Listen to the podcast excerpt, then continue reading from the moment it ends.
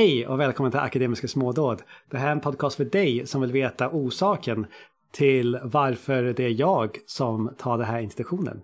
Jag heter William Hedley Thompson och sitter i Göteborg. Och jag heter Kristoffer Sundberg och sitter i Lödöse. Och jag heter Pontus Brunsegraj och jag sitter i Malmö. Ja, killar, jag måste erkänna en sak här. Jag fuskade lite grann och eh, lyssnade på filosofiska smådådsavsnittet om David Hume precis ah. innan. Av anledningar som förhoppningsvis snart blir klara. Eh, och så här, filosofiska smådåd, det var den här föregångaren till akademiska små, eh, smådåd, en filosofisk podd som ni två eh, höll ihop med Simon. Eh, han, jag Simon... har inget minne av. Alltså, jag minns ingenting jag sa i någon podcastavsnitt. Simon, nej, Simon är inte här idag. Så jag tänkte så här, om jag, om jag lyssnar på det avsnittet eh, så kanske jag kan hitta något smart som han säger. Så kan jag sno det därifrån och säga det nu. Men då borde jag ju egentligen lyssnat på något smart som William sa och snott det också i så fall. Eh, och eh, det var ju alltså, extremt kul att lyssna på det avsnittet. Om inte annat bara för att Simon öppnar med att säga att texten ni har läst av David Hume är så dålig, tycker han, att den borde skulle blivit underkänd som C-uppsats på, på Göteborgs universitet. Och Kristoffer, han blir liksom nästan moraliskt upprörd över det påståendet, så han liksom går ut i försvar. Det är hysteriskt kul. Men väckte massa tankar och funderingar och lyssna på liksom en gammal filosofiska smådåd avsnitt om David Hume och kanske också lite så här prestationsångest inne hos mig. Men en sak som stack ut väldigt, väldigt, väldigt tydligt här var alltså fan vad gött det måste vara att bara kunna sitta och pladdra om ett ämne i nästan tre timmar oavbrutet. Alltså om vi jämför det med avsnittsformatet vi håller här i ASD eh, så tänk dig liksom att kunna ta ett ämne och utforska det så grundligt och ändå hålla ett så relativt sävlig hastighet. Vad säger ni? Ska vi, ska vi byta format på, det här, på den här podden? Vi var fortfarande tidsstressad på något sätt när vi spelade i dem tror jag. Väldigt, väldigt. Vi tog ju en hel bok och läste. Så nu har vi liksom för ovanlighetens skull tagit en text den här gången. Ska inte spoila vilken text det är, men det är liksom en text på 21 sidor och det var rätt maffigt att läsa. Men när vi var unga och ambitiösa så tog vi liksom, David Hume var ändå en bok på kanske 90 eller 120 sidor. Det var, bara det var ju otroligt jobbigt, men ett annat avsnitt tog vi kanske den här lilla nätta texten av Karl Marx och, och benade ut den. Så ja, vi var det lite mer ambitiösa. Det var bara 80 sidor tror jag vi tog. Bara tog första delen eller först, Ja, så det var kanske bara hundra sidor där. Så babblade jag om återvinning också för någon, i typ en timme. Alltså poängen är att är man så ambitiös och gör så mycket förarbete, då har man helt enkelt rätt att snacka i tre timmar om någonting. Medan men, vi som har, ja men vi tar det ju lite lugnare inom Det var mer som att vi spelade in filmer då, ja, nu spelar vi in en serie. Tänker ja. jag. Alltså det, det är skillnaden. Det är lustigt att du tog upp just det avsnittet, för det är ett av de få som jag faktiskt har kommit, gått tillbaka och lyssnat flera gånger. För jag har undervisat om bland annat Hume och liksom, jag pendlade från, eh, mellan Lödöse och Oslo. Och jag kan inte läsa en bok medan jag kör bil tyvärr, men um, jag kan liksom lyssna på någonting. Så i ren desperation ibland då så hittar jag det här filosofiska smådåd, avsnitt om Hume, tänkte okej, okay, men då friskar jag upp minnet. Och lustigt är att jag blir lika jäkla provocerad varje gång av Simon. Jag sitter och bara svettas i bilen och blir så bara, nej Simon! Säg det inte Simon, säg det inte. Jag tänker att eh, ni har helt rätt, att vi kanske ska behålla avsnittet Akademiska smådåd eh, så som vi har det nu. Försöka köra på en timme. Sen så har vi ju skjutit över mer och mer en timme och kanske slutar vi upp på tre timmar till slut. Jag tror att det skulle vara döden i grytan för våra lyssnare, men jag skulle tycka det var väldigt mysigt i alla fall. Eh, vi går vidare till ämnet idag tänker jag.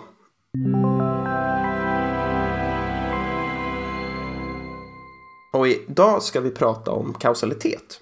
Och eh, vi har ju redan nämnt flera gånger i den här podden att eh, när vetenskapspersoner drar slutsatser så vill de oftast generalisera till någonting som ligger utanför deras experiment. Och vi har nämnt att vi själva till exempel, i alla fall några av oss använder små stickprov i vår egen forskning, men vi vill gärna säga någonting om en mycket större grupp människor än bara de som var med i vår själva studie. Så hur vi än vrider och vänder på det så tycks ju inte då vetenskapen, i alla fall inte den vi bedriver, komma ifrån någon form av induktion. Eh, så vi observerar ett fåtal, men vi vill säga något om flertalet. Så induktion i sin tur är ju tätt sammankopplat med kausalitet och orsakssamband. Och så att jag har en misstanke om att just det här med orsakssamband, liksom hur vi kommer fram till dem, vad vi kan säga, vad vi inte kan säga, är av ganska stor vikt för hur vi bedriver vetenskap och hur vi ser på världen. Men jag är inte helt säker. För idag är jag nämligen så här, genuint okunnig om detta ämne. Och det är William och Kristoffer som har liksom tycker jag i alla fall, uppgift att klargöra och förklara detta med orsakssamband och kausalitet. Samtidigt som de väl ska hinna med att bråka och debattera lite sinsemellan. Eh, så Kristoffer har varit så vänlig att han har förberett en kort-ish, tror jag, monolog kring just eh, kausalitet. Så Kristoffer, du kanske vill take it away. Okej, tack så mycket. Vi får se hur eh, långt detta blev. Jag testkörde igår så här en variant och den blev 14 minuter och jag blev så uttråkad att jag nästan höll på att somna eh, sittande. så eh, jag ändrade massa saker så får vi se hur det går den här gången. En parentes här är att det stör mig väldigt mycket att jag inte kan se er samtidigt som jag har kollat mina anteckningar. Men jag får helt enkelt föreställa mig i mitt huvud att ni skrattar och ser glada ut. Jag får kanske kolla ibland om du ni sa har... förra gången att om jag, om jag ser ut som jag håller med då, då kommer jag komma med en invändning. så, så nu sitter du och ser jättesur ut och så då vet jag att du håller med.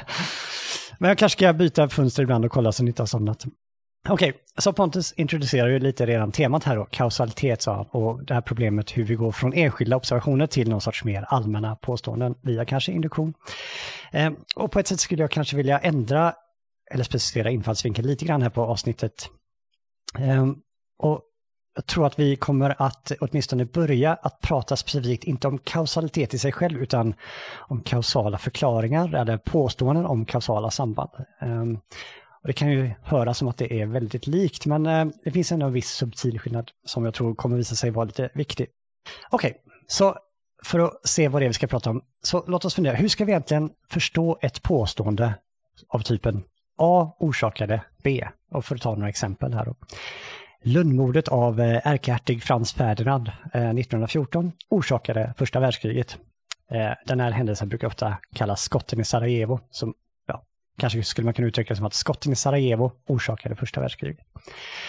Jämför det med följande påstående. Rökning orsakar cancer. Eller det var stearinljuset jag glömde att släcka som orsakade branden i mitt hus. Eller det var betjänten som orsakade hertiginnans död, inspirerad av ett avsnitt som eh, lyssnaren kanske precis har hört innan detta eller, eller som ligger och lurpassar i, i lyssnarens framtid där William eh, hade gått och läst lite Sherlock Holmes och vi började fundera lite kring vad, vad det egentligen var. Eh, så Sherlock Holmes kanske kunde sagt något sånt, att det var betjänten som orsakade hertiginnans död. Å andra sidan, ta ett påstående som att detta vaccin orsakar immunitet mot coronavirus, för att ta ett påstående som kanske ligger lite i tiden. Eller ett påstående som att Närvaro av brännbart material och närvaro av oxidationsmedel, vanligen syre, och värme av en viss magnitud orsakar eld. Okej, det var en väldigt krånglig orsakssamband, men alla de här påståenden är liksom påståenden av typen A orsakar B. Men är de verkligen samma sorts påståenden eller kan vi på något sätt försöka öka vår förståelse genom att utforska vad som skiljer dem åt och vad som förenar dem? Så om vi tar till exempel eh, den här historiska förklaringen, eller ett försök till förklaring, nämligen att skotten i Sarajevo orsakade första världskriget. Vad är det egentligen för sorts orsaksförklaring som, som historikern åberopar när de säger så här? Och om vi tar till exempel ett påstående om att rökning orsakar cancer, vad, vad är det för sorts orsaksförklaring? Och påståendena är ju liksom ett resultat av någon sorts härledning, men eh, hur ser den här logiska strukturen bakom den här härledningen ut? Och idag så tänkte jag att vi skulle utgå från den här filosofen John Mackey Eh, som menar sig ha ett bättre svar på hur man ska förstå den här sortens påstående än eh, vad tidigare filosofer hade haft. Eh, framförallt så menar han att hans svar gör mer rättvisa till den här komplexiteten i frågan. Och vi har alla tre specifikt läst en text av Mackie som heter Causes and Conditions från 1965.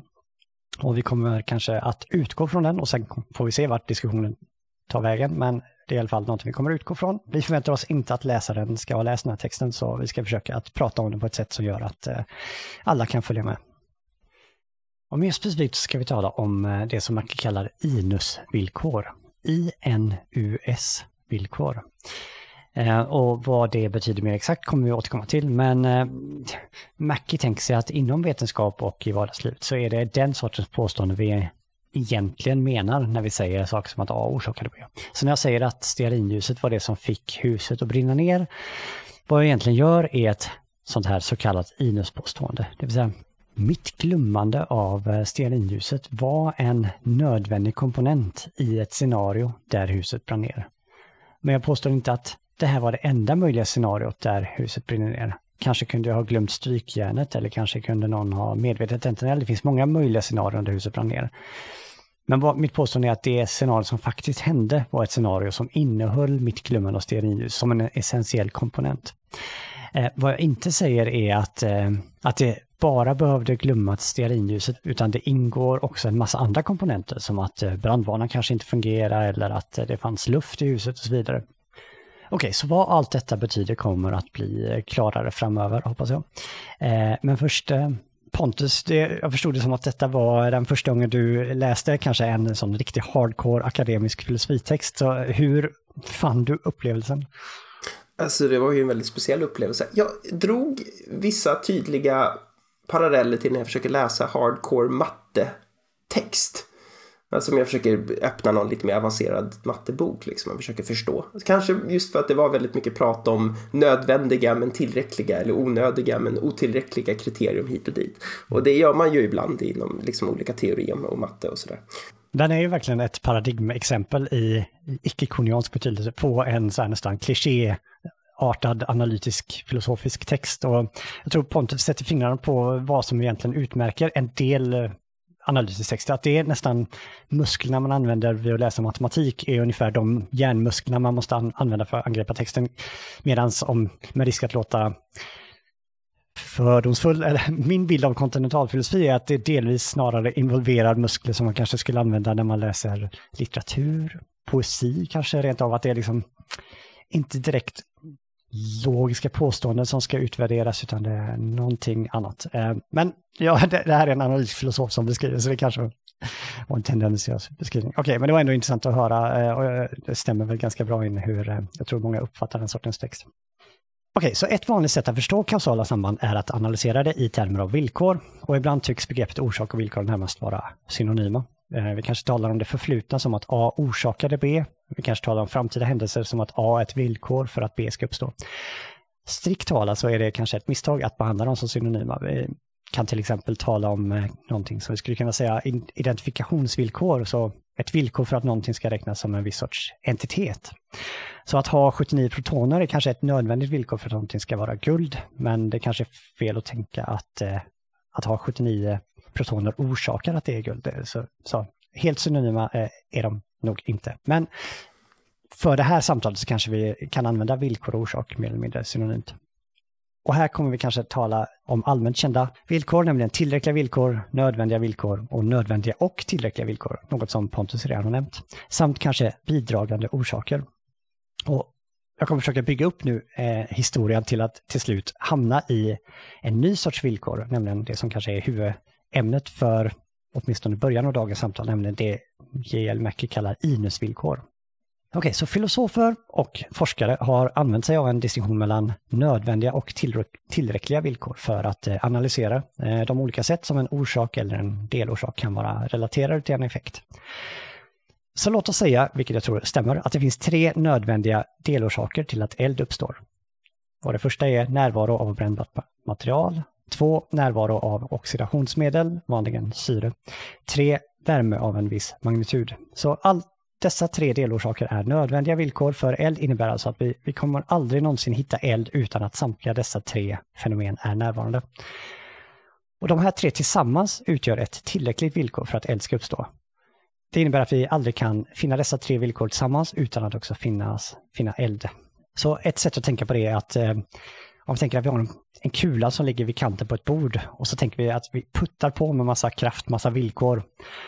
Och först knuffar vi lite och kulan rubbas inte och sen knuffar vi lite till och kulan rubbas ändå inte.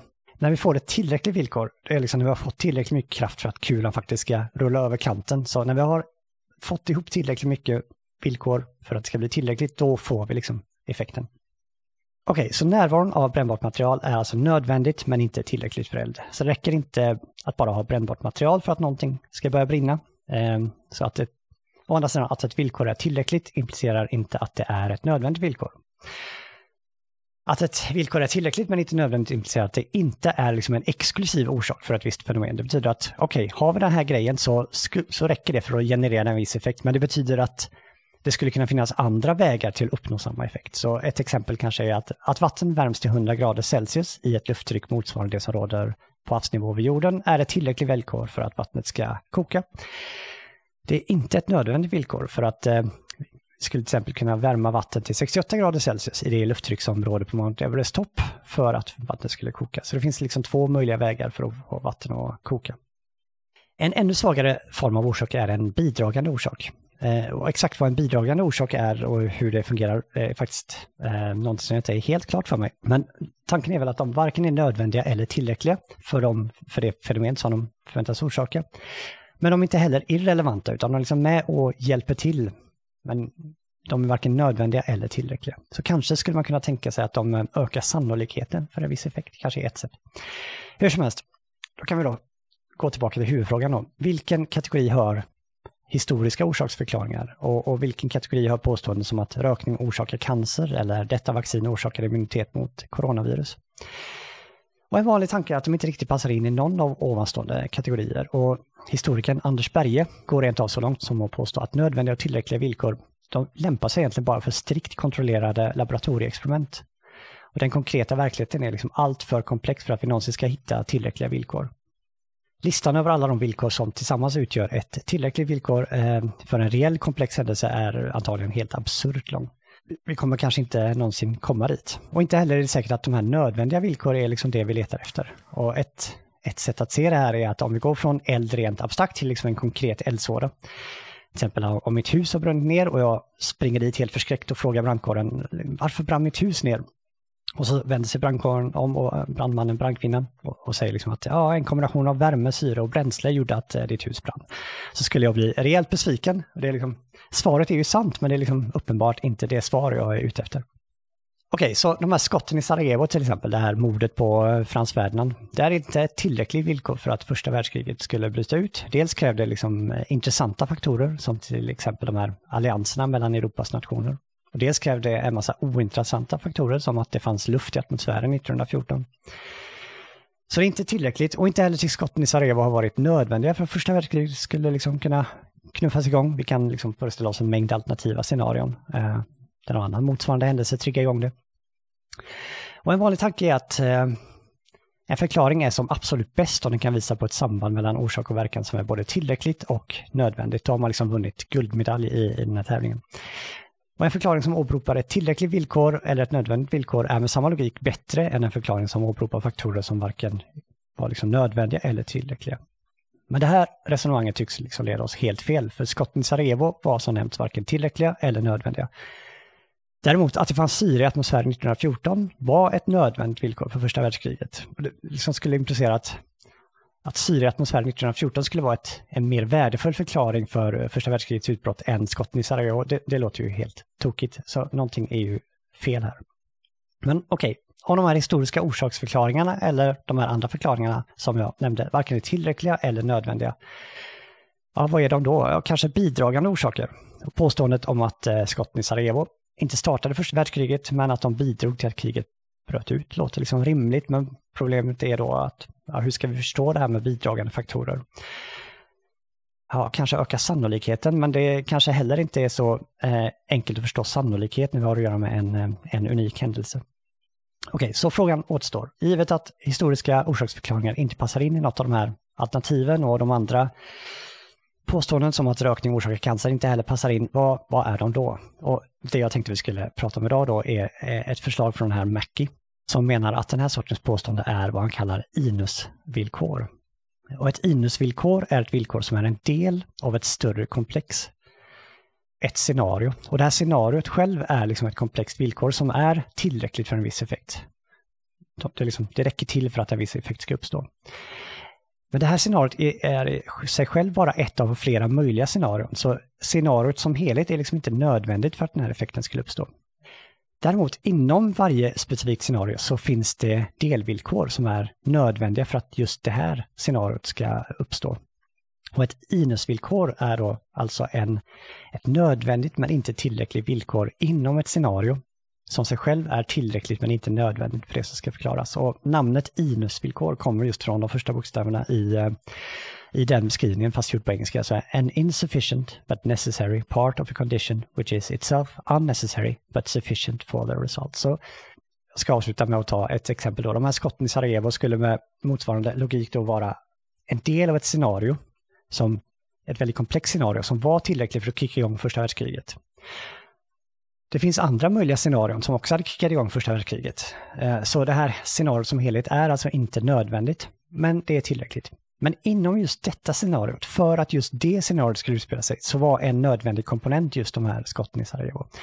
Och det skulle då vara tanken att eh, det här är ett INUS-villkor och Mackie då menar att det är så här vi ska förstå väldigt många av de påståenden som figurerar inom vetenskap och i vardagen. Så nu har jag pratat väldigt, väldigt länge, så låt oss, låt oss ta resten i dialogform.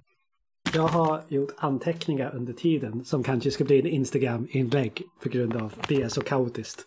På ett CSN-kuvert.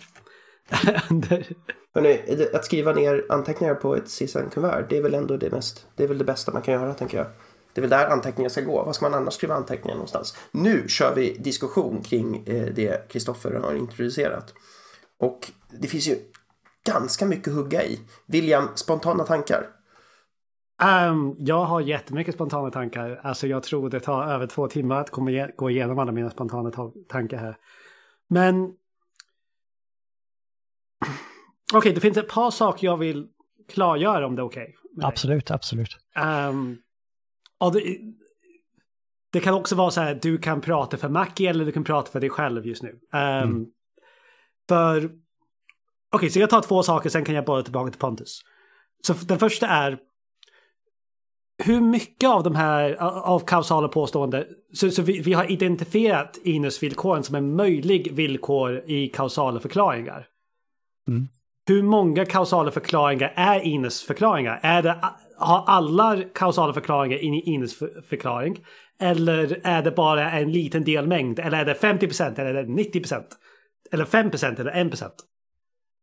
Jag tror inte att eh, Mackie ger oss tillräckligt med underlag för att helt avgöra den frågan, men intrycket jag får när jag läser är att han tänker sig att den stora majoriteten, vad nu det är, är just de här Inus.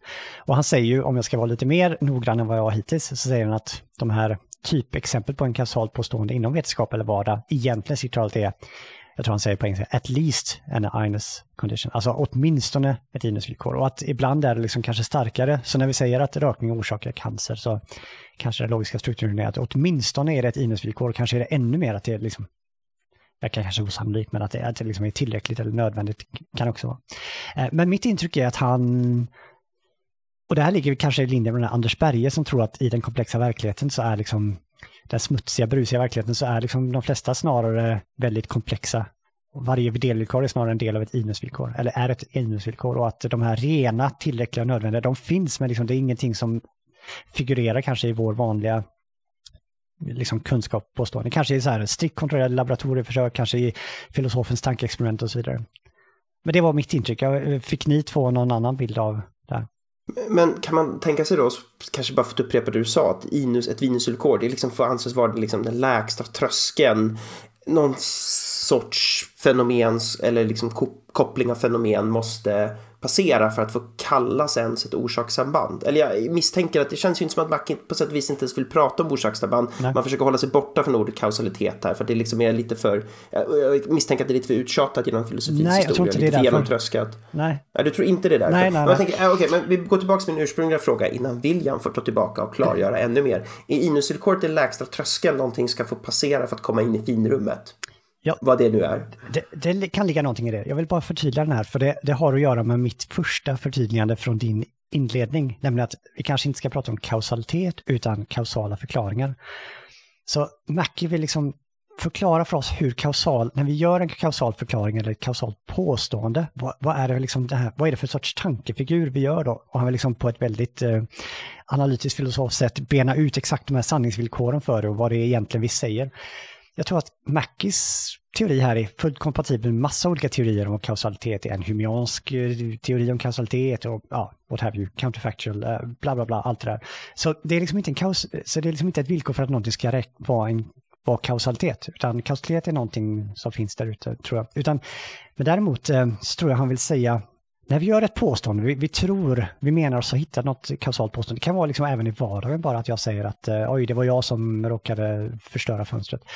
Så liksom, vad är det vi gör? Nej, det vi gör, menar han, är inte det här att hitta tillräckliga och nödiga villkor. Det är liksom alldeles på tok för ambitiöst för att vi realistiskt ska göra det i, i vardagen.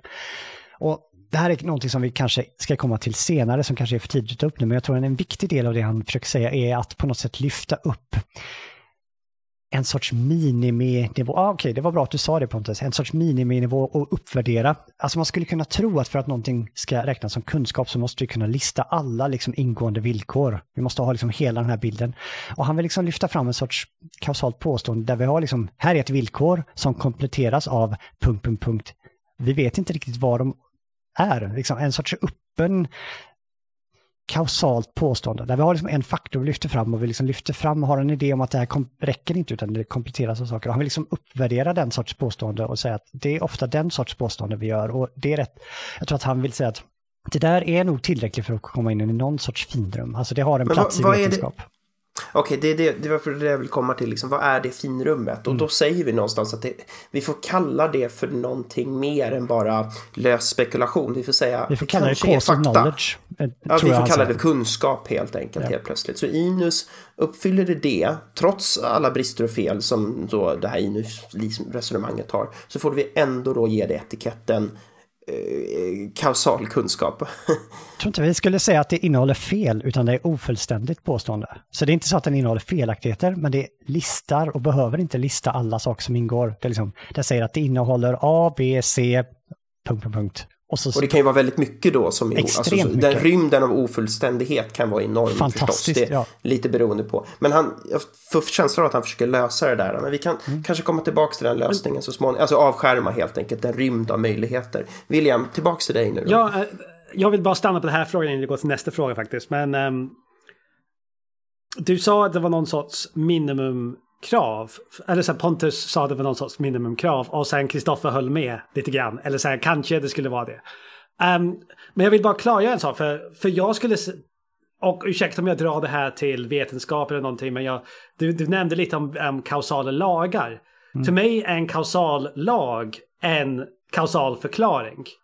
Så är det så att det är, ant, det är ett åtminstone inus-villkor eller någonting mer avancerat som en kausal lag? Eller finns det inusvillkoren i kausala lagar? Det här var svårt faktiskt. Jag tror, om jag förstår rätt, men nu, nu liksom... Du behöver inte svara för Mackie, du kan bara ta din egen tolkning.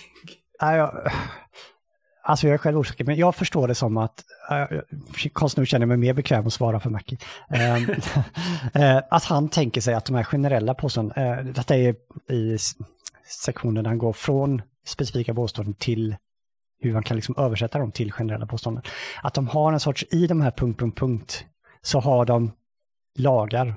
Så jag tror att INES-villkoren använder lagar, bakar in lagar och liksom refererar till dem. Okej.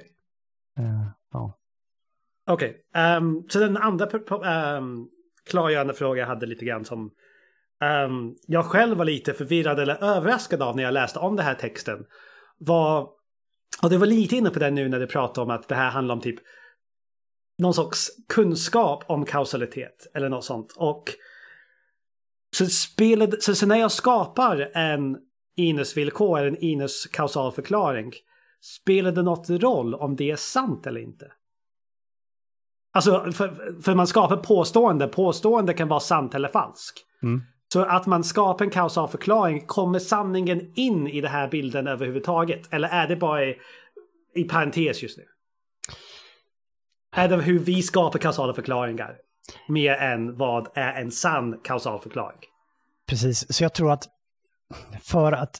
Okej, okay, okay, det här är ett, ett viktigt påstående för att jag kan ha sagt att, äh, att ett INES-villkor är ett minimivillkor för att få räknas som kunskap. Jag tror att för att det ska vara kunskap så måste det vara sant. Mm. Ehm, men ett, jag tror att kanske det här kan hjälpa till. Att jag tror att man kan tolka de här Inus-kausala påståendena som hypotes helt enkelt. Att det han visar, speciellt mot slutet av texten, jag vet inte om ni tänkte på det, jag skrev abduktion flera gånger i randanmärkningen och tänkte att eh, kanske William kommer ta upp detta. Men för mig låter det lite som att, eh, speciellt när han pratar om det här, eh, kan man falsifiera ett Inus-påstående? Om det inte går att falsifiera så kanske det liksom inte har någon plats i det vetenskapliga finrummet. Men, så jag visar honom hur man faktiskt kan det. Och tanken är här då att ett tidningspåstående, man skulle kunna kalla en hypotes där man säger att den viktiga komponenten för, som vi är intresserade av här är just, mm, låt säga rökning då. Och så försöker man designa ett experiment som försöker isolera just den här, det här inusvillkoret och försöka hålla de andra delarna konstanta då. Och, och så försöker man hitta då om, om effekten samvarierar med eh, i, just inusvillkoret, det vill säga delvillkoret som det här är.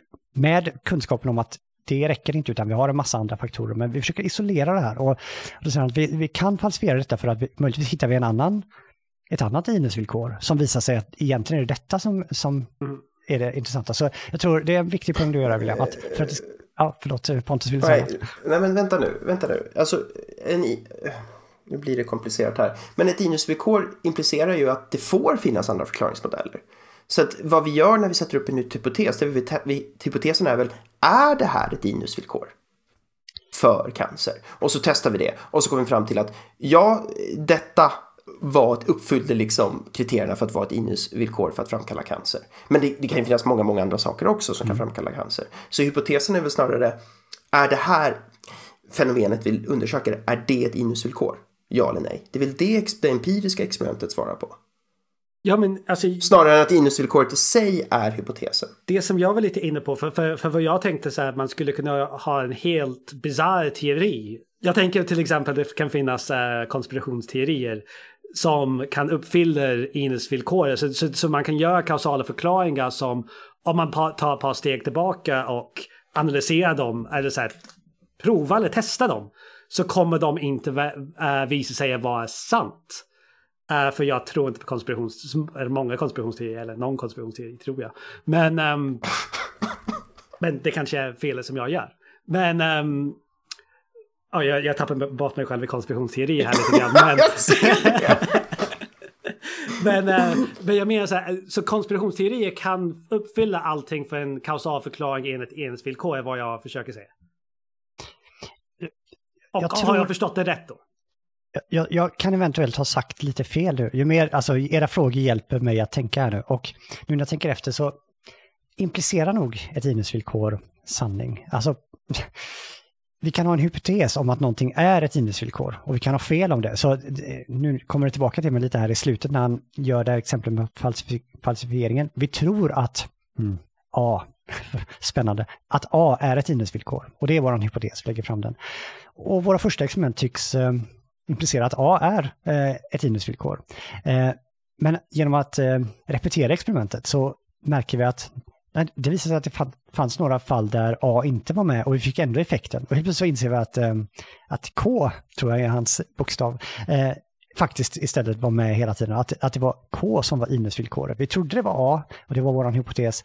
Men när vi upprepade experimentet så visade det att nej, det var liksom bara tur. Eh, liksom, ja, ni, ni vet ju allting om false positives, det är, liksom, är någonting vi har pratat om mycket. Men, så det var liksom inte A som var den relevanta ines. Eh, så jag tror att kanske att för att någonting faktiskt ska vara innesvillkor så, så måste det vara det. Men då kan det finnas bara en, inte en oändligt många inusvillkoren. Det är... Nej, va? För, för Mackie pratar väldigt mycket om att det finns ABC, DEF och så vidare.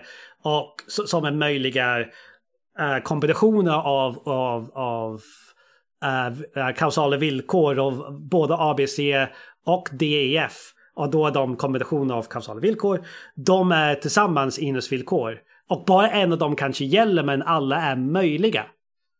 Men det är väl precis det, det är inte oförenligt med det Kristoffer just sa? Men att det, vi har ett... det är det som, det, som är, det som jag försöker komma åt här som jag kanske, den kanske är en väldigt nyanserad poäng och det kanske var alldeles för komplext att gå in på det här i början men det blir så här, är Inus-poäng, äh, Inus, äh, Inus äh, villkor, eller så här, är det en kausal förklaring som är ett påstående som kan vara sant eller falsk? Eller är det ett påstående som är sant? Okej, okay. jag tror att påståendet kan vara sant eller falskt. Så jag kan göra ett påstående om att någonting är ett nödvändigt och tillräckligt villkor. Det är ett påstående och det påståendet kan vara sant eller falskt. Men om någonting är nödvändigt och tillräckligt, det är liksom inte, det, det bara är så. Det, är liksom, det kan inte variera utan, och likaså här då tror jag man ska tänka sig att mitt påstående om att någonting är ett innesvillkor kan vara sant eller falskt. Men det antingen är eller är inte ett innesvillkor. Och i det här fallet då när det blev falsifierat som vi sa, då var det att jag hade en hypotes om att någonting var ett innesvillkor. Det visade sig att det var ett redundant villkor. Det hade liksom ingen som helst effekt, men vi trodde att det hade det för att den råkade vara med där. Men det var ju liksom bara brus eller liksom en ja, eh, spurious correlation eller vad vi vill, vill kalla det. Så när vi säger att någonting är ett minusvillkor, då säger vi per definition att vi redan har trätt in i det vetenskapliga, kunskapsmässiga finrummet. För vi har sagt då, så här är det, det här är sant nu. För att om det är så att det inte är sant, att det faktiskt inte är A utan det är K, ja men då var det ju aldrig ett minusvillkor. Ja, jag skulle vilja... Den, den kausala förklaringen när vi trodde det var A var att uppfyllde allting för att det skulle vara minusvillkor. Ja, men vi sa just att det, för att det ska få räknas som minusvillkor så måste ju också det vara sant. Alltså att det, det måste vara A och inte K sen. För det får inte visa sig sen att det var K. Alltså vem som helst kan ju lyfta fram vilka jättedåliga hypoteser som helst om minusvillkor och inte räknas som eh, vetenskap. Jag tror att om du har lyckats fånga ett minusvillkor, då har du uppnått eh, ett kriterium för att räknas och ha kausal kunskap. Men det kanske du inte själv inifrån kan avgöra att du har kunskap om minusvillkor. Så eh, en subtil distinktion, men jag tror vi måste hålla, hålla isär det. Men ska vi, ska vi kanske backa lite och ta hans stereotypexempel om minusvillkor så vi kan prata, så vi kanske har ett uh, fysiskt exempel Ja. Prata om, för jag tror inte du nämnde din monolog om att... Um... Jag försökte, men det gick väldigt fort. Jag tror också att detta är väldigt viktigt för att undvika ett missförstånd. För vad refererar själva inusvillkoret till? Jag vet med mig själv att jag har haft en tendens att tänka på scenariot som inusvillkoret, hela blaffan liksom. Men själva inusvillkoret är bara den här lilla komponenten som vi lyfter ut. Eh, men det kanske var uppenbart för er, men det är något som jag vet mig själv ofta har eh, blandat Det är A, A, B, C, men vi kanske kan komma till det. Okay. Jag, tänkte, jag tänkte också det, att tittfuskare ju återigen, jag gillar ju fuska som ni kanske har märkt i den här podden och tittade på en, en, en, en YouTube-klipp om minusvillkor i två minuter. Vi får länka till den på Instagram. Den var ganska bra. Ja. Eh, jag tycker vi tar exemplet, för ja. exemplet som Mackie gör och så exemplet framförallt de gör, YouTube-klippet blir ganska bra. Ja. Vi översätter A och K till faktiska entiteter i världen helt enkelt. Så Pontus, vill du ta det? För du, du, absolut, du kan sammanfatta YouTube-video under några omständigheter. Jag gör ett försök istället eh, för att negga här. Så att vi tänker oss att vi har en situation att eh, vi har en, eh, eh, ett hus som börjar brinna helt enkelt. Och så tänker vi så här, vad är orsaken till att huset börjar brinna? Det är frågan liksom. Ja, men vi ser, vi, vi ställer upp lite olika typer av scenarion här då, då. Och då har vi ett scenario att vi hade en tändsticka som någon tände helt enkelt och slängde ifrån sig. Okej. Okay. Ja. det Är ett inusvillkor? vi, vi, behöver ju mer för liksom, komponenter här.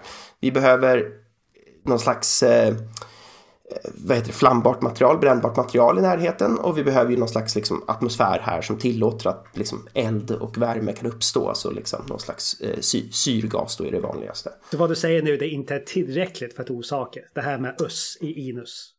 Det är jag, jag tror det är bättre Kristoffer tar det här. För Aha, det, är, det är mycket, jag tror det blir mycket mer pedagogiskt. Nej. Men jag tycker du gör ett jättebra jobb. Jag försökte bara jag koppla det tillbaka till Inus. Jag lyssnar gärna vidare och jag tyckte, jag tyckte det var bra Pontus och jag tyckte det var en bra förtydligande av William. Så jag, detta ja, går bra. Okay, vi, så nu ska jag, vi gå till jag måste, jag måste nog tänka lite innan för så här, jag får så panik liksom för jag minns inte exakt. Eh, och då, då tänker vi oss liksom att att eh, den här tändstickan vi slänger helt enkelt, det är, och nu får ni rätta mig om jag har fel, men kan vi tänka oss att det är ett nödvändigt men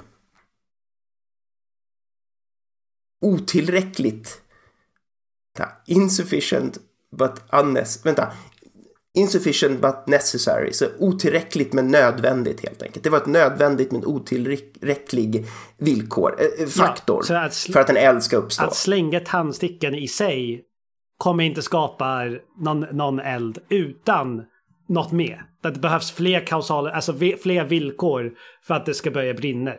Så det var det är, nöd, det är en nödvändig del av det, men det var inte tillräckligt för um, att det skulle Äh, det, är inte, det, det, behövs mer för att det ska börja brinna helt enkelt.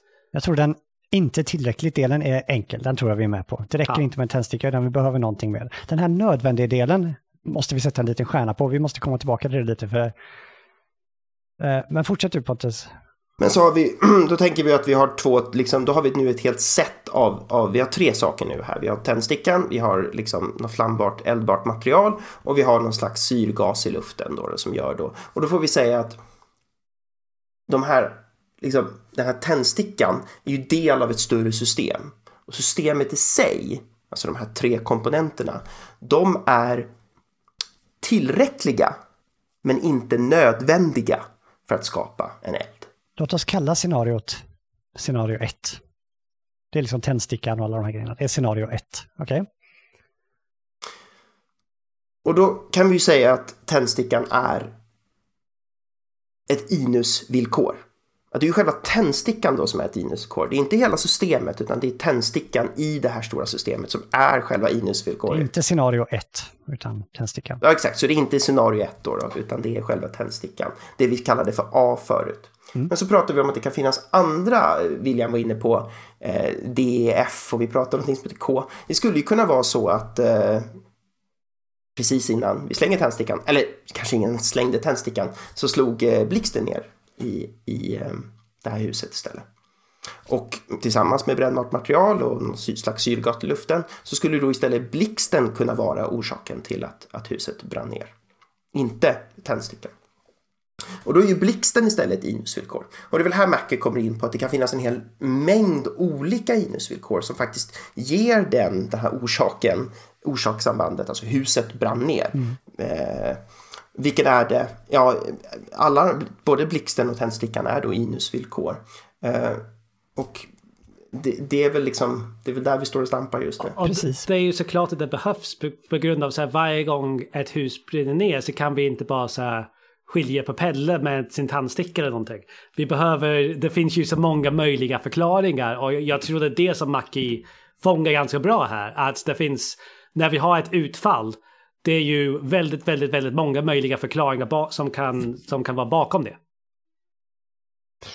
Precis, och bara här fann, det här var jättebra. Så nu har vi scenario 1 och scenario 2. Det faktum att det fanns två tillräckliga möjliga scenarion gör ju att det här, varken scenario 1 eller scenario 2 kan vara nödvändigt. De är tillräckliga, men de är inte nödvändiga för att vi har två möjliga vägar till att huset brinner ner. Men inom varje scenario så finns det en del nödvändiga komponenter. För att, för att få just scenario 1 så är liksom tändstickan en nödvändig komponent. Den spelar ingen roll i scenario 2 utan där är istället blixten som har den här nödvändiga delen. Så att det är liksom, vi har ett villkor som är nödvändigt inom scenario 1. Och scenario 1 är i sig tillräckligt. Eh, och så har vi då det alternativa då, eh, scenario 2. Ja, okay. Så vad gör då detektiven som ska undersöka varför huset brann ner? Det är väl lite grann vetenskapspersonens motsvarande roll här. Liksom den kommer till det nedbrända huset och ska liksom utföra den här undersökningen. Och ett sätt är kanske, ja men vi pratar om atmosfär och sådär, det kanske inte är riktigt det de är ute och letar efter, utan de vill ha kanske just det här, det här inusvillkoret, alltså det, något av villkoren är lite mer intressant än de andra och försöka liksom isolera just det. Um, och i detta fall då så, det faktum att det faktiskt var tändstickan, det var det som hände. Det är liksom ett, ett viktigt fynd att säga, om jag nu har skäl att tro och säga att det var tändstickan som orsakade branden, då har jag liksom ska, skapat mig kausal kunskap. Och detta kanske låter väldigt enkelt, men om vi tänker på vi sa att det var tre faktorer och det är egentligen en grov, grov förenkling för att inte nog med att det var Alltså det, egentligen är ju villkoret extremt komplex. Speciellt om vi lägger in negativa villkor, det vill säga att det inte fanns en fungerande brandvarnare, att, det inte, att jag inte hade köpt en brandvarnare ett år tidigare. Alltså listan är ju, om vi drar det riktigt långt, oändlig. Och om villkoret för att vi ska ha kausal kunskap är att vi måste kunna redogöra för hela listan, då kommer ingen av oss någonsin kunna ha kausal kunskap. Och vi har kanske en bild av att både i vardagen och i vetenskapen så har vi kausal kunskap. Så vi behöver liksom förstå hur de här fungerar på ett sätt som faktiskt gör det tillgängligt för oss människor. Och jag tror att Macke tänker sig att det här inusvillkoret är liksom, om vi verkligen lyckas nå det, då har vi liksom nått tillräckligt långt för att få lov att säga att vi har kausal kunskap, även om vi inte kan fylla ut resten av det här scenariot. Men Kristoffer, eh, ville du göra någon mer reflektion innan jag springer och hämtar en till öl? Som jag dyrt behöver. Jag ser ingen, ingen akut så eh, Eh, här finns många väggar vi kan gå. Alltså det kanske är en bra ställe att ta på en liten minipaus. Men för, jag, för, för, för jag, jag, tror inte jag förstår faktiskt om... Så, om man har A, B, C och D, E, F och man har inte redat ut vilken det är än. Är båda två innesvillkor? Eller är det bara innesvillkor när man har lyckats bevisa en över den andra? Okej, men nu är vi tillbaka här igen till den här diskussionen. Ja, jag vet. Det är därför jag tänkte att vi kan ta det snabbt, för jag tror inte jag förstår. Okej, men antingen förstod du inte eller så bottnar detta ut i någon sorts mer fundamental filosofisk oenighet om... Ja. Men du vet, ja. okej, jag ska göra ett försök här. Men vad ska uh, du säga bara? Det är, ja, det är när det är bara ABC som är kvar.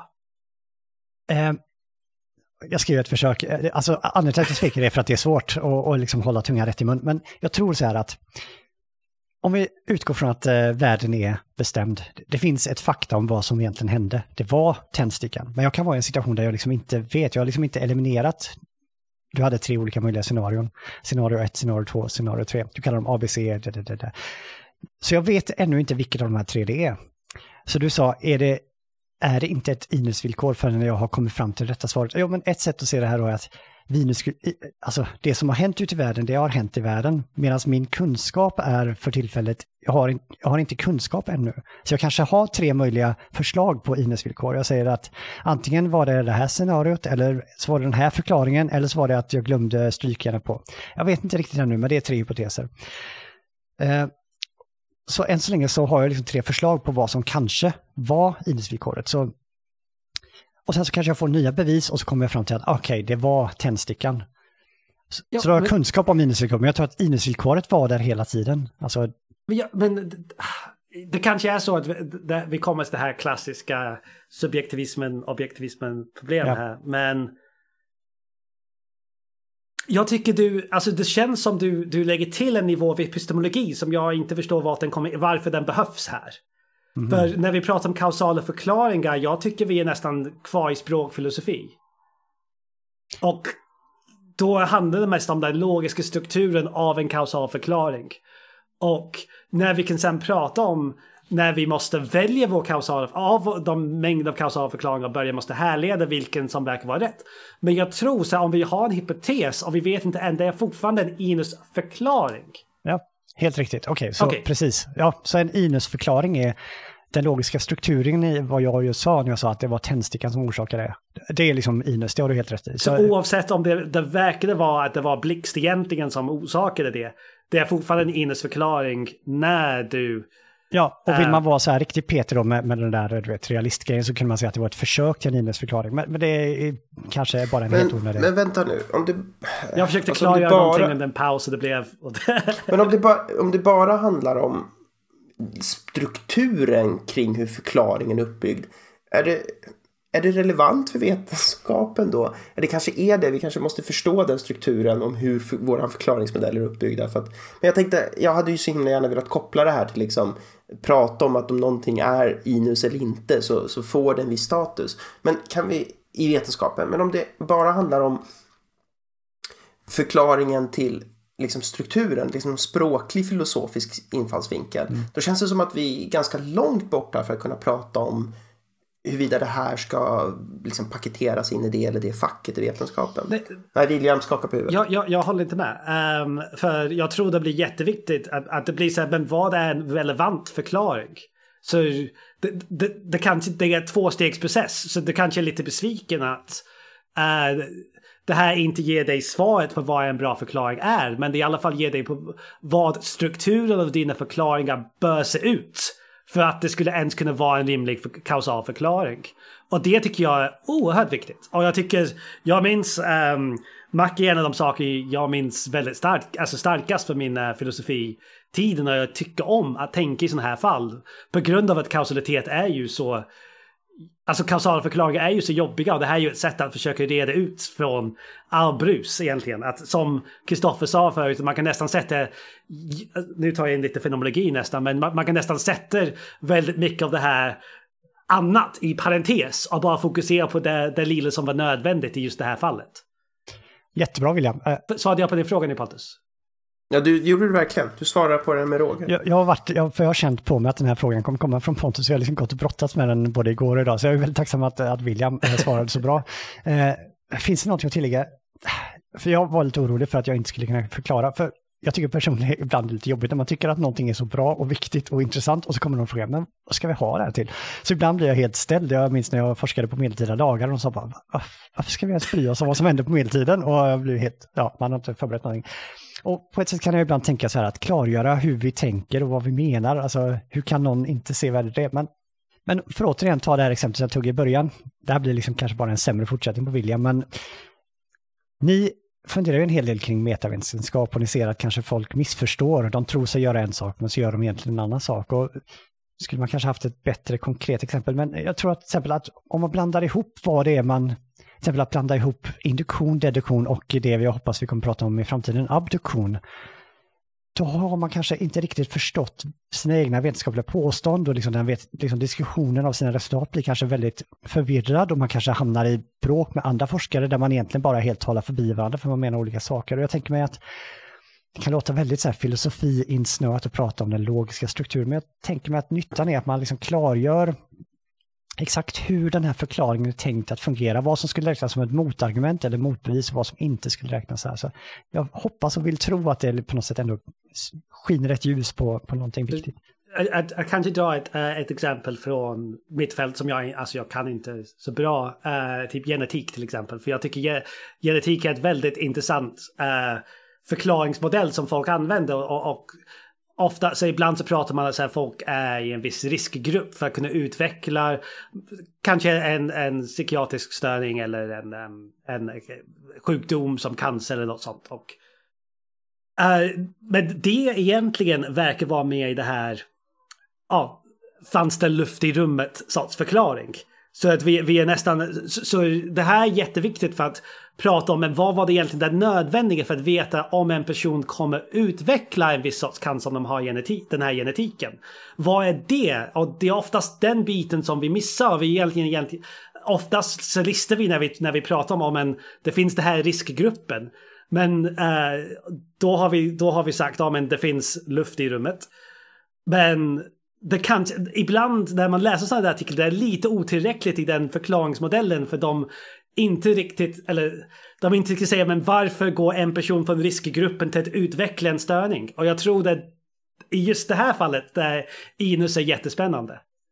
Fast jag, jag vill försvara den formen av forskning. Jag kanske är ute på någon slags konstig eh, vatten här, men så tänker jag att eh, det är svårt. Det är väldigt svårt att göra. Alltså det är enkelt. Det är mycket lättare att säga riskgruppen. Det är ju enormt svårt att säga den personen gick över gränsen. Den personen från riskgruppen gick över gränsen och utvecklade cancer. Alltså det är ju det steget är så enormt komplext och så enormt svårt i, i vetenskapen. Så det är därför jag tänker mig att folk inte gör det liksom. Även om de kanske förstår den logiska strukturen bakom att liksom föra det argumentet eller föra förklaringen. Och det är också eh, otroligt eh, viktigt att reda ut det där. Alltså att veta varför eh, ett rum börjar brinna på grund av att det finns massa eh, så brännbar material och luft och inte brinner i ett annat rum där det finns ingenting brännbart. Det finns, jag vet inte vad som inte brinner, det finns bara det är typ ett stålrum eller någonting.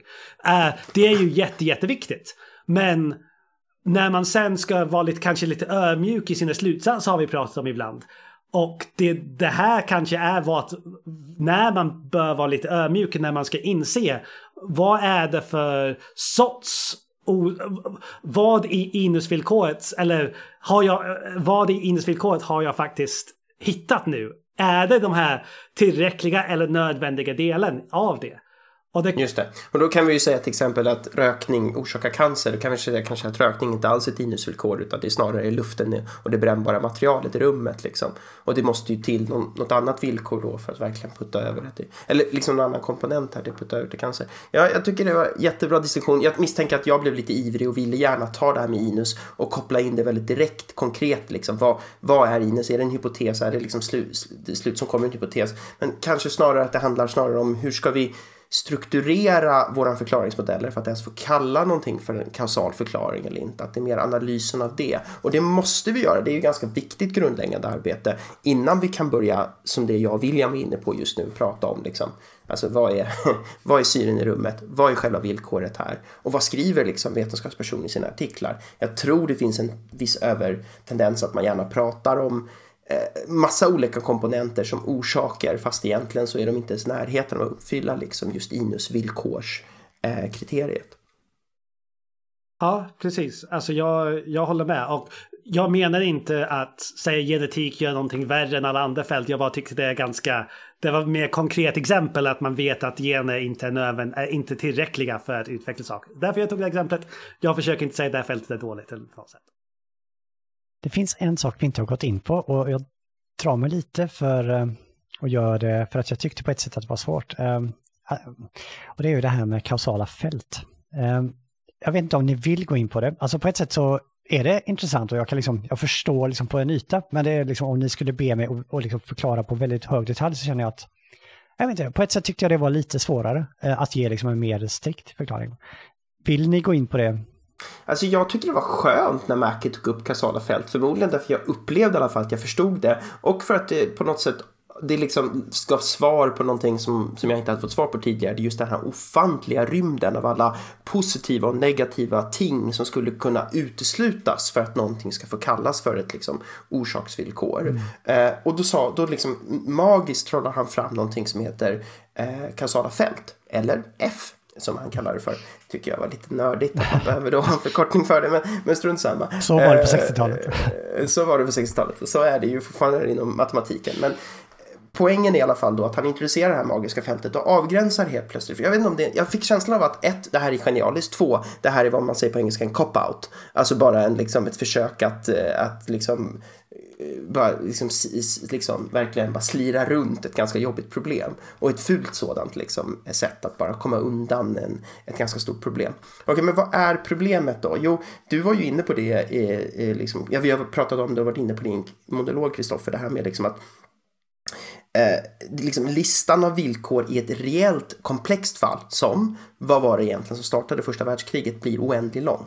Därför om man också dessutom börjar koppla in då alla negativa, liksom det måste funnits syre i, i, i atmosfären 1914, då blir ju listan, liksom, den tar, kommer ju aldrig ta slut. Så vad blev ett försök till lösning då för Mackie här? Jo men det tänker jag är att i alla fall introducera det här med kausala fält. Vad är ett kausalt fält då? Kristoffer, ska du ta det? Eller ska jag fortsätta nu när jag rullar? Du får gärna fortsätta. Jag tycker det låter bra än så länge.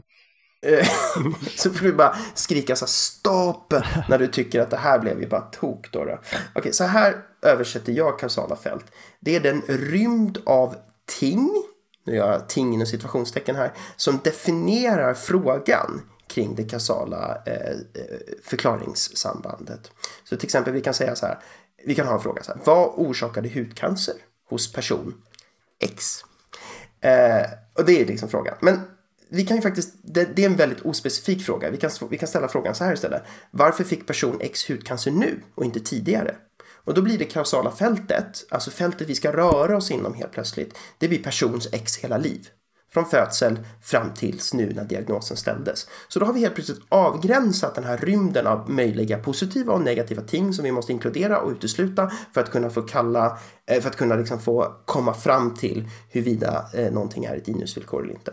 Vi kan också tänka oss den här frågan. Varför fick person X hudcancer medan massa andra män som utsattes för samma strålningsdos inte fick hudcancer?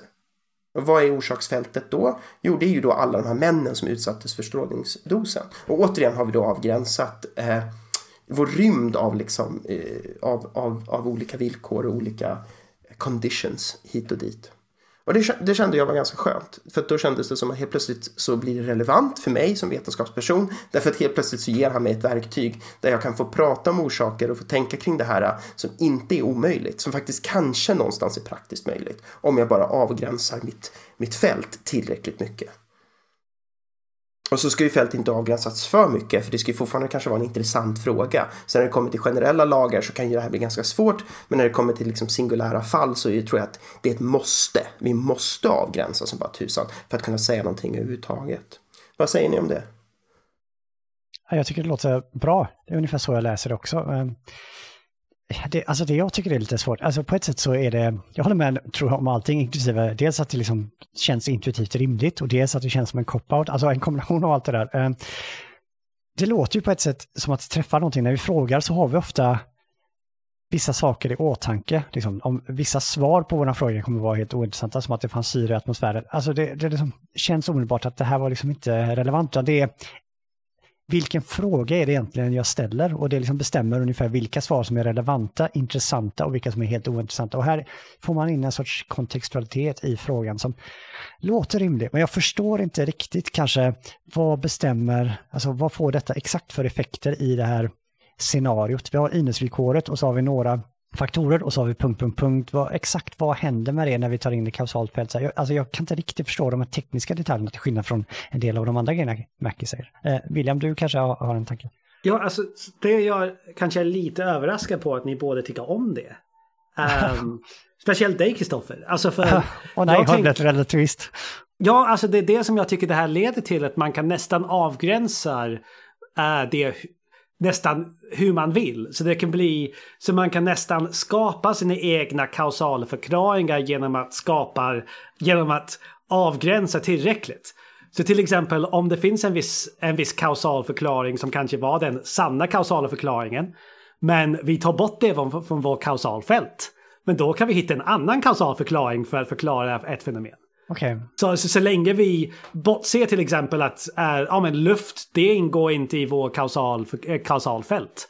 Så äh, när vi ska förklara det här branden i, i ett hus, hur ska vi ähm, Ja, det, det känns tänk, som man kan... Ähm, jag, ja, jag tror, jag tror att det kan missbrukas, men jag, jag blir jätteivrig här nu. Jag tror det kan missbrukas, men då, då är ju den här brandingenjören eller vetenskapspersonen som, som liksom skär bort den riktiga, eh, liksom, där inuset, det riktiga inuset ingick, den gör ett dåligt jobb. Då har den gått bort sig, då har den gjort fel. Så det handlar ju någonstans om att avgränsa fältet så pass liksom att den fortfarande rymmer sanningen eller förklaringsmodellen. Ja, det är ju lättare sagt eh, eh, än gjort. Men, eh, Men det känns om vi ska ha en... Om målet med det här med en förklaring och en logisk modell av en struktur. Vi har egentligen flyttat en hel del av ansvaret någon annanstans nu. Så nu måste vi läsa en bok om hur man definierar en kausalfält. För att kunna... Men det är väl helt okej? Okay. Men det är väl helt okej? Det är väl precis det vi vetenskapspersoner måste tänka jättemycket kring. Hur ska vi avgränsa vår fråga? Hur ska vi definiera vår population? Hur ska vi liksom... Hur ska... Halva vetenskapen går väl ut på att definiera det kausala fältet, tänker jag. Och det är väl helt okej okay att, att, att skjuta över ansvaret till Alltså, jag tror aldrig Macke utger sig för att han nu har hittat en, liksom, det här måste vara universellt för allting. Jag tror han menar liksom att, ja men du måste nog ha det här fältet med om du ska kunna säga någonting. Som vetenskapsperson eller som forskare eller som bara eh, eh, men vad... soff, soff filosof. Okej, okay, kan jag bara ställa en fråga? För jag tror du kommer vilja svara på det här samtidigt, Kristoffer, vad du vill säga. Okay. Men vad gör en kausal fält rätt då? För vi verkade säga förut att en kausal förklaring var avgränsad från, um, från nästan epistemologi. Så, så att, att den, det är någonting som kommer innan det var ett påstående som man ska sedan testa och vi ser om det är sant eller inte. Men nu verkar det som vi har ett innan, in, in i vår för epistemologisk modell så har vi nu lagt till ett F som vi säger ja men det finns bra F och det finns dåliga F helt plötsligt blir det så att man har lagt in epistemologi i sin för epistemologisk modell. Jag hade svårt för den här sista, men om jag bara får gå tillbaka till den första där. Eh, för då, jag tänker på eh, våran intervju med Gabriel, eh, som kanske har släppts när detta... Det kommer definitivt att släpps. Okej. Okay. Kablet pratar en hel del om det här med tacit knowledge, alltså en sorts tyst know-how, kanske aktig sak som, som liksom ligger mellan. Så jag, eh, jag, tänker mig lite att detta figurerar i det här eh, definierar eh, kausala fältet, att när jag ställer en fråga vad som orsakade branden i mitt hus, så liksom, ni är liksom människor som lever i mitt samhälle, ni förstår vad det är ungefär ute efter. Så, så att eh, den här tacit knowledge ligger med också bland vetenskapen, att vi vet alltså också lite hur frågorna är formulerade, ungefär vad det är som vi tycker är intressant här, vad det är vi vill zooma in kameran på. Eh, och sen måste jag ju kommentera relativismen, det är ju så här en eh, arbetsplikt. Men jag tolkar det inte som att det nödvändigtvis blir någon alltså ontologisk relativism. Alltså det, det som händer, det händer, utan det är snarare så här, vi vill förstå och vi har liksom teorier och så här som tittar på olika delar av verkligheten och vissa blir liksom väldigt tråkiga och ointressanta. Okej, okay, det kanske stämmer, men vi vill liksom zooma in och bara prata om delar av verkligheten och det här kausala fältet hjälper oss att avgränsa vad det är som vi vill prata om och vad men, som är intressant. Kan man...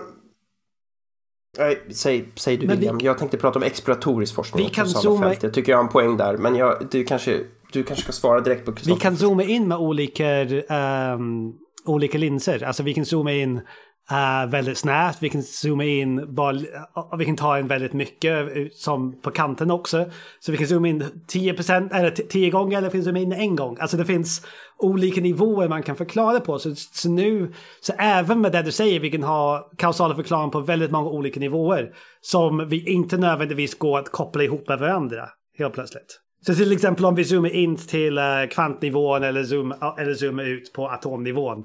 Så kan vi vi kommer ha olika förklaringar. Det kanske det är okej okay då. För vi har ju det. Men de är inte, alltså de är kompatibla så därför blir det liksom ingen relativism. Just nu är, det inte, är de inte kompatibla. Eh, vad menar du? Kvantnivå? Alltså inte kvant och atomsaker är inte 100% Nej, och därför vet vi också att de är falska. Alltså de kan ju inte vara sanna. Eh, Men de båda verkar vara sanna. Det är det som är jobbigt. Fast det är de inte eftersom Nej, de inte är kompatibla. alltså på den nivån man, när man avgränsar så verkar de vara sant. Okej, Men vänta nu, de är inte kompatibla ännu? Eller tror man att de aldrig kommer vara kompatibla? Atom och kvant, alltså. Att vi kommer ju kunna förena teorierna på något sätt men just nu kan vi inte, vi har ingen bro från, från nivå 1 och Men- nivå 2. Men det, nej exakt, men det betyder ju inte att en av dem eller båda är osanna. Det betyder ju bara att det, det kan vara så att de är osanna, eller båda är det eller inte. Men det kan ju också vara så att båda är jättesanna, men vi har inte verktygen ännu. för Men att det betyder ihop vi kan ha liksom, kausala förklaringar av samma fenomen som inte går att ehm, som, är, som kan vara delvis inkompatibla och jag ber om ursäkt att jag drar till kvantfysik. Det, det är som att man ska ju aldrig göra det när man pratar filosofi för alla filosofer gör det och inte kan någonting om kvantfysik. Men um, poängen är ju så här, så det behöver ju inte just vara det där exemplet men att man kan kanske prata om um, någonting, alltså varför ett hus brann ner kan, ka, kanske är på grund av uh, social ekonomisk problem i det området. Och det är därför någon gick runt med en tandsticka. Och Men är inte det som jag just... Och Men är det... Det, det är precis det jag sa. Jag försökte bara ta ett exempel som inte handlar om kvantfysik. Så, men att prata om ett orsaksgrej angående social ekonomisk status och att Pelle bestämde slänga en tandsticka i någon slumpmässig persons hus. Eh, de två orsaksförklaringar för samma fenomen är inte nödvändigtvis kompatibla med varandra. Eller de inte går att... De är inte ekvivalenta i alla fall. De är kompatibla med varandra men de är inte ekvivalenta. precis. Och så länge, jag tänker att så länge de inte är eh, antagonistiska, så länge, Okej. de, så länge man kan tycka bägge två är sanna så är det liksom inte någon, för mig är det problematisk eh, relativism. Så jag tycker det här är liksom, ja, det låter, ja, jag tycker det låter rimligt. Okej, men jag, tänk, jag tänker också att det är här, liksom, här fält, vi kommer tillbaka till fälten, så är det de som kommer in. Beroende på hur vi har avgränsat eh, frågan Ja, exakt. så kommer eh, båda två vara eh, helt okej inusvillkor. Därför de är så relevanta inom, inom sina fält. Precis, Och det var de det är William sa. Men eh, här var en varandra. möjlig oro att det kan leda till en mer eh, en radikalare relativism än vad någon som jag skulle vilja acceptera. Men jag tror än så länge, jag, jag lovar att tänka vidare på det där, men jag tror inte det. Eh, Jag tror inte det blir någon den sortens relativism, utan okej. intressestyrda förklaringar helt enkelt, så bägge två kan vara sanna. Och, ja, kom. Alltså jag, jag köper men- det här med att dela upp F. Jag var bara mer överraskad över att ni köpte det på... Uh, eller speciellt Kristoffer sa, ja men det här låter ju jättebra. Jag var så här, oj, jag trodde det Min enda vara... källa till oro är att William blir förvånad över att jag tycker om det. Då börjar jag bli orolig att jag har missat någonting. Men jag tror inte det. Jag, jag tror det är ofarligt. Jag eh, kanske bara så här, tänkte på alla möjliga sätt det skulle kunna missbrukas. Fast de exempel jag tog upp nu var ganska rimliga. Men jag kan tänka mig så här, ja men om man börjar avgränsa på speciella sätt. Då kanske det blir problematiskt att man måste definiera F lite mer. Men det här är lite överkurs för det här samtalet tror jag. Ja, men jag tror allt i filosofi och vetenskapen kan väl missbrukas på ett annat sätt. Det betyder ju inte att det är dåliga idéer för det. Men jag vet inte, ibland så får jag känslan av att jag är mer pragmatiskt lagd och det finns vissa filosofer som liksom vill komma med svaret som ska vara så vatten och idiottätt så det inte finns. Så jag vet inte om Mackie har kommit fram till det mest liksom, idiottäta. Det går aldrig att sticka hål på, det går inte att missbruka. Eh, det går liksom inte att ta och twista och liksom böja hans begrepp och hans idéer så att det liksom aldrig kommer bli fel. Men jag tänker mig att, bara om jag får bara komma tillbaks snabbt till de här liksom fälten. Hur ska vi som vetenskapspersoner, hur ska vi förhålla oss till det? Alltså, du William pratar ju om att det är så svårt att avgränsa, de kan bli oändligt små, oändligt stora, det kan bli eh, eh, relativism.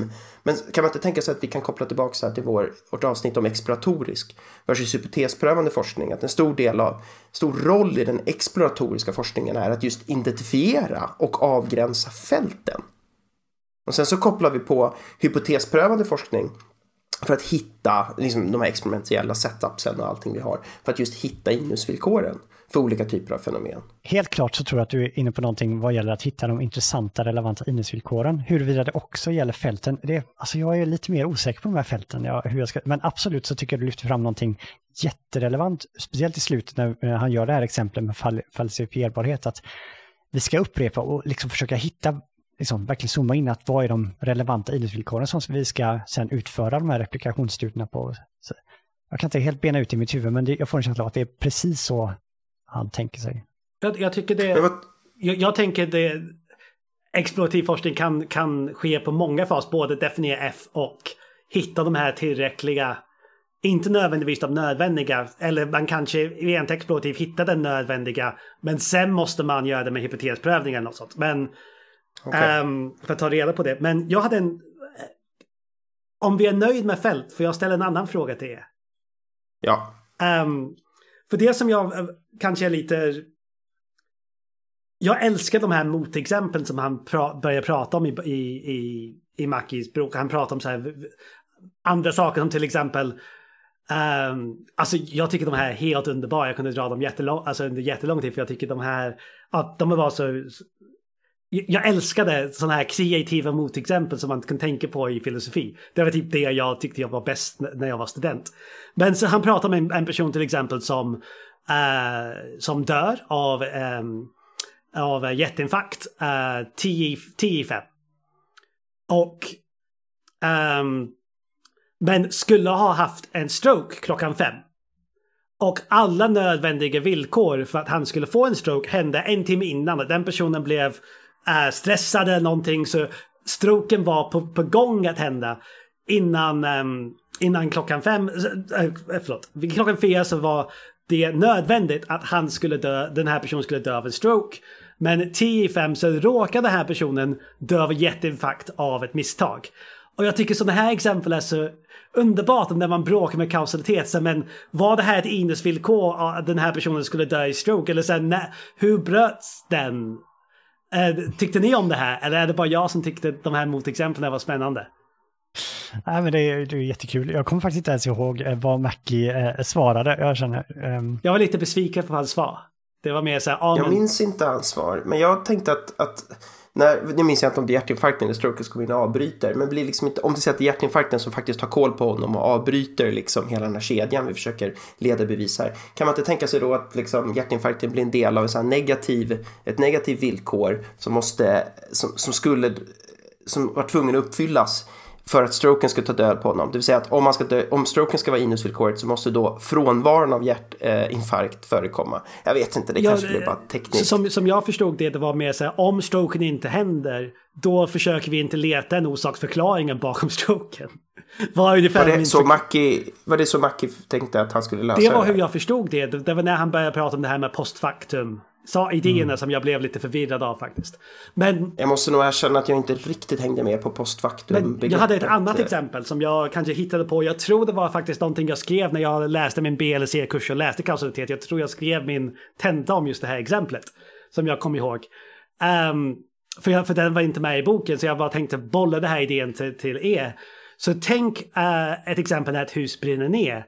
Men det är Pelle som slänger en tandsticka och det blixtrar samtidigt. Inget av dem där var nödvändiga villkor då. Att, att, att huset brann ner. Så vad var orsaken till att huset brann ner?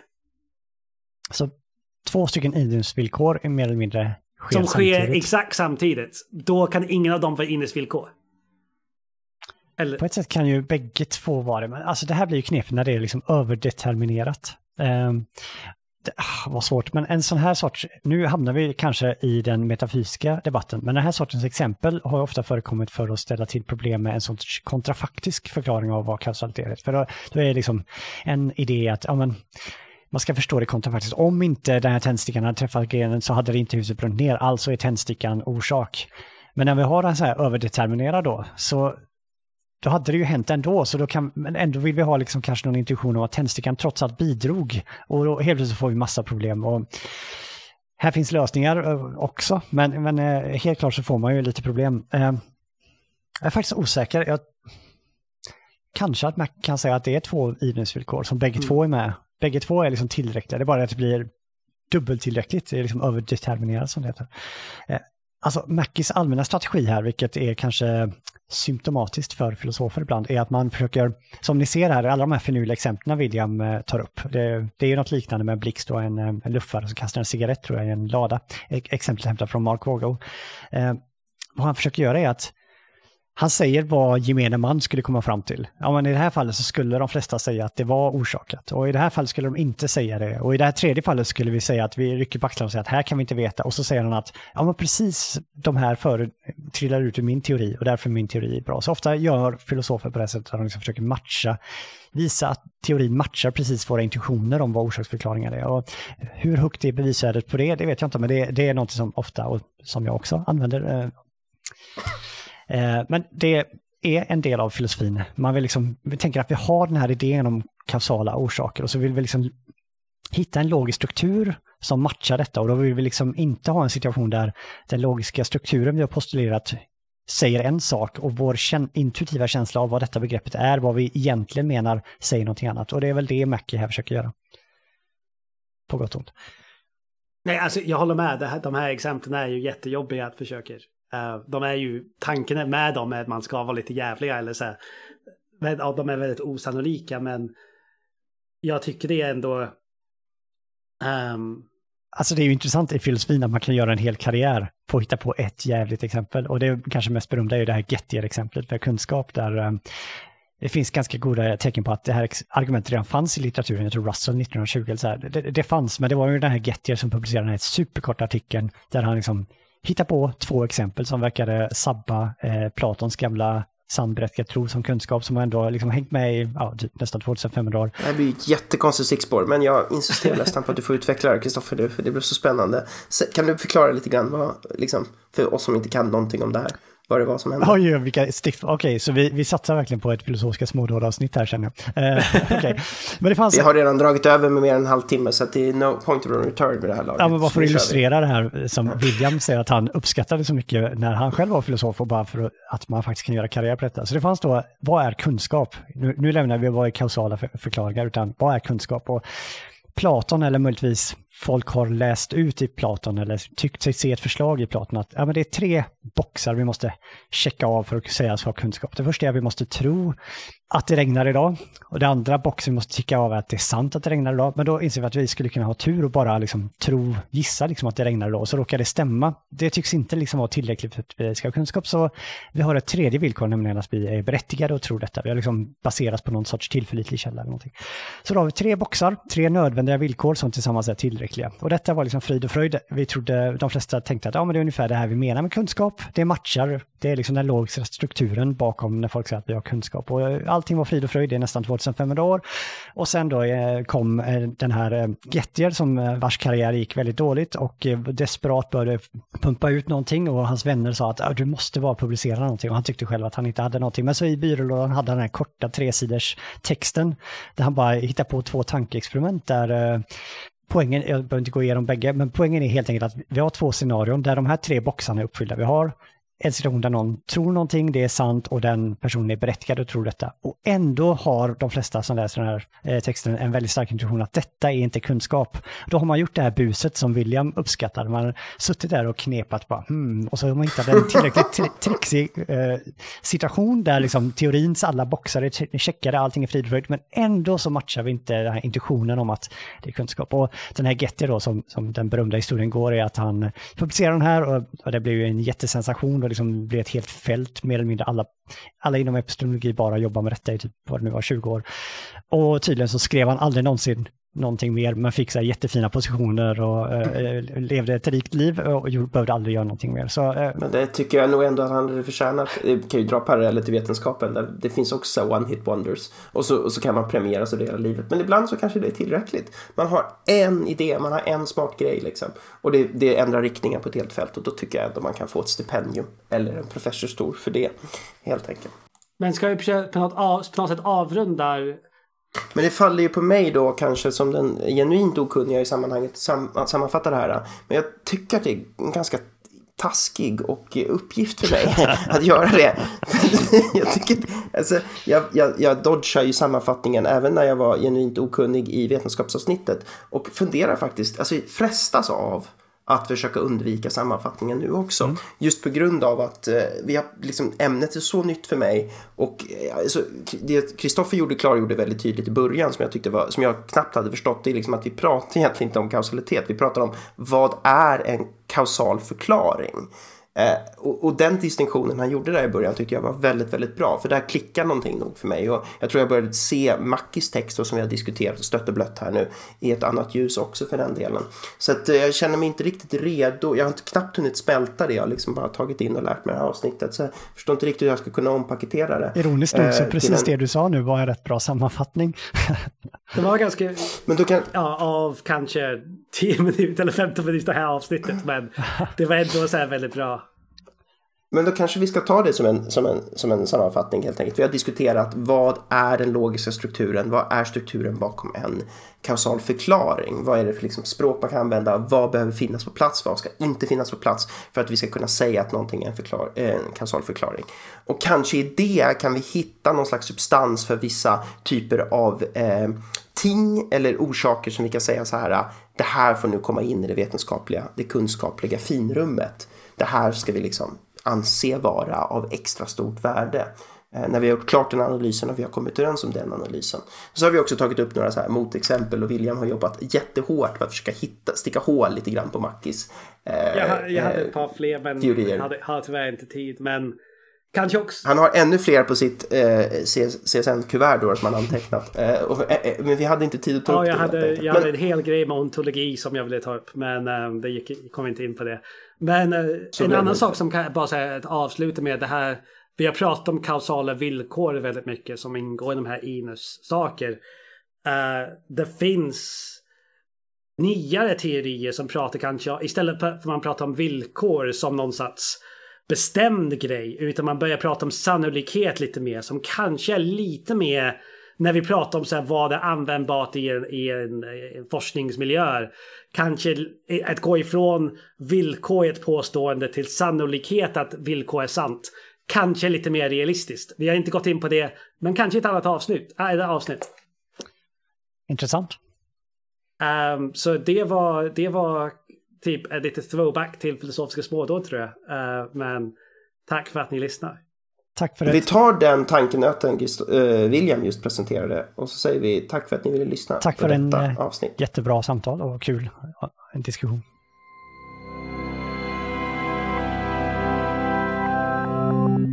Okej, okay. det var det. Alltså, och jag, det sista jag sa menar jag inte bara till avsnittet också. Jag tyckte det var asroligt, verkligen. Uh, jag ber om ursäkt om jag blev liksom insnöad. Jag hade hur jävla roligt som helst. Åh oh, gud, jag bara sitter här och... Oh, oh. Jag märkte... Det bara rinner om mig. Men vi, jag tänker också att vi kanske får helt enkelt bara gå med på att det här blir ett och ett halvt timmes långt avsnitt snarare än... Och så kanske rent av sätta någon sorts subtil varningstext, liksom att här är lite så här specialavsnitt. Eller liksom så här. Men ska vi inte bara kunna, ska vi kanske kalla det för ett specialavsnitt? Jag vet inte. Alltså, det kan man ska, ska skoja om att filosofiska småldåd gör en inpassus. Eh, om det heter så vet jag inte. Men alltså gör en instick. Eftersom jag pratar så mycket om FSD ändå i början. Så mm. Jag vet inte. Mm. Alltså jag, jag, tror...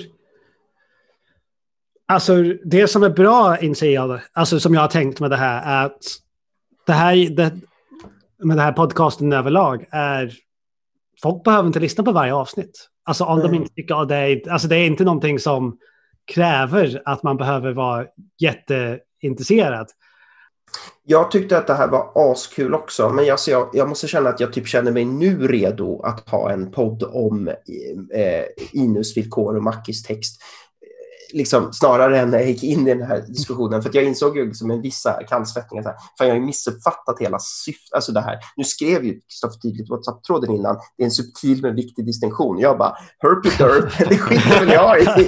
Här har jag liksom så här. Så jag tror ändå att det är bra att jag gör det missförståndet så Kristoffer får den poängen. Jag fick komma tillbaka till den. För det, det bara kändes som att jag kanske, jag kanske inte är den enda som tänker fel. Absolut. Det, jag tror det. Alltså, jag tror första gången där på min B-kurs så tror jag jag är väldigt säker jag läste inte den distinktionen. Det var bara nu jag märkte det när jag läste om alltså, Vad är kausalitet och vad är, egentligen, vad, vad är vi intresserade av här? Här är vi intresserade av en kausal förklaringsmodell ja. och försöker analysera strukturen. Boken heter Causation och han börjar prata om kausala förklaringar. Ja, men det är ju orättvist. Det är ju orättvist. Det är ju och, vi har, och vi har varit, det är lite orättvist mot det också, för vi har inte varit helt eh, tydliga med vad vi menar i, i tråden. För att när vi går upp i tråden och läser om vad vi pratar om så vill ju Kristoffer och William prata om kausalitet mm. i första hand. Och sen ska vi läsa Mackie och sen kommer nyansen. Då. Och då gör jag fast i hum. Liksom. Mm. Så att, eh, jag går ju bort mig lite grann. Men det, min poäng var i alla fall att nu känner jag mig kanske redo att diskutera det här.